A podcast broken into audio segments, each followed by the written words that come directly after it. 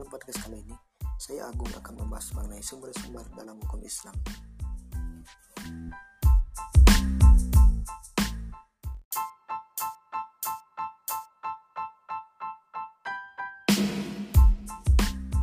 Definisi kata sumber Menurut Kamus Umum Bahasa Indonesia, kata sumber berarti asal sesuatu. Jadi dapat disimpulkan bahwa sumber hukum Islam adalah asal tempat pengambilan hukum Islam. Di dalam kepustakaan hukum Islam, sumber hukum Islam sering diartikan dengan dalil hukum Islam atau pokok hukum Islam atau dasar hukum Islam. Kata dalil menurut bahasa berarti petunjuk terhadap sesuatu baik yang konkret maupun yang abstrak, baik petunjuk itu kepada kebaikan ataupun kepada kejelekan. Berbicara mengenai dalil, Menurut Abdul Wahab Kholab, di antara dalil-dalil yang disepakati oleh jumhur ulama sebagai sumber-sumber hukum Islam di antaranya yang pertama ada Al-Quran, As-Sunnah, Al-Ijma, dan Al-Qiyas. Sedangkan dalil syar'i menurut Mahmud Shaltut ada tiga. Yang pertama ada Al-Quran, As-Sunnah, dan Ar-Rayu. Artinya Ar-Rayu atau ijtihad.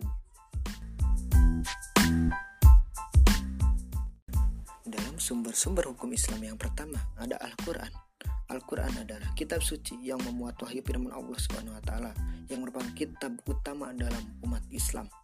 Kitab Al-Quran disampaikan melalui malaikat Jibril kepada Nabi Muhammad SAW.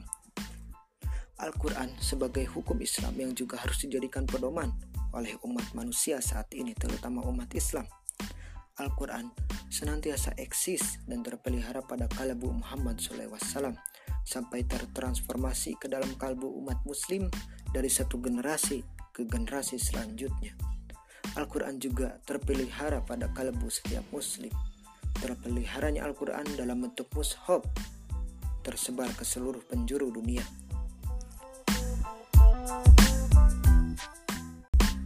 Kemudian, sumber hukum Islam yang kedua ada as-sunnah Secara terminologi, para ahli hadis mengartikan sunnah sebagai segala sesuatu yang bersumber dari Nabi Muhammad SAW, baik dalam bentuk ucapan maupun perbuatan.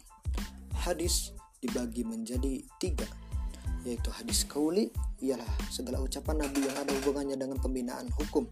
Kemudian hadis fi'ili ialah segala perbuatan Nabi SAW yang diberitakan oleh para sahabat mengenai ibadah dan lain-lain. Kemudian ada hadis takriri ialah segala perbuatan sahabat yang diketahui Nabi Muhammad SAW.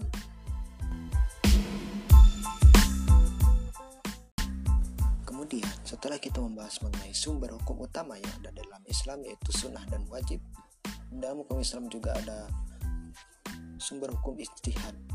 Istihad secara bahasa adalah berasal dari kata al-jahad dan al-juhud yang berarti kemampuan, potensi, dan kapasitas.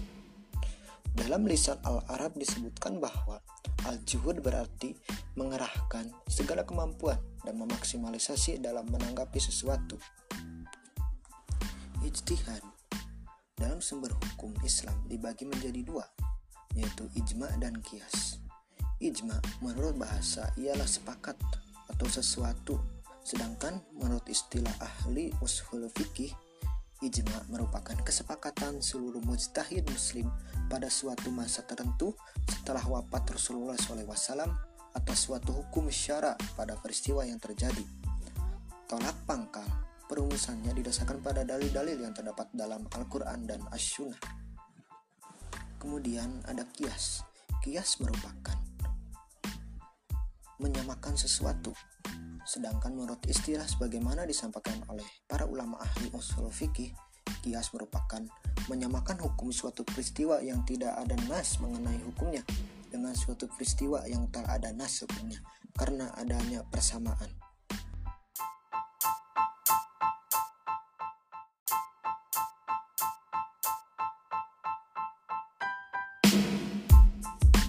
Oke guys, gitu saja pembicaraan mengenai sumber hukum Islam. Terima kasih.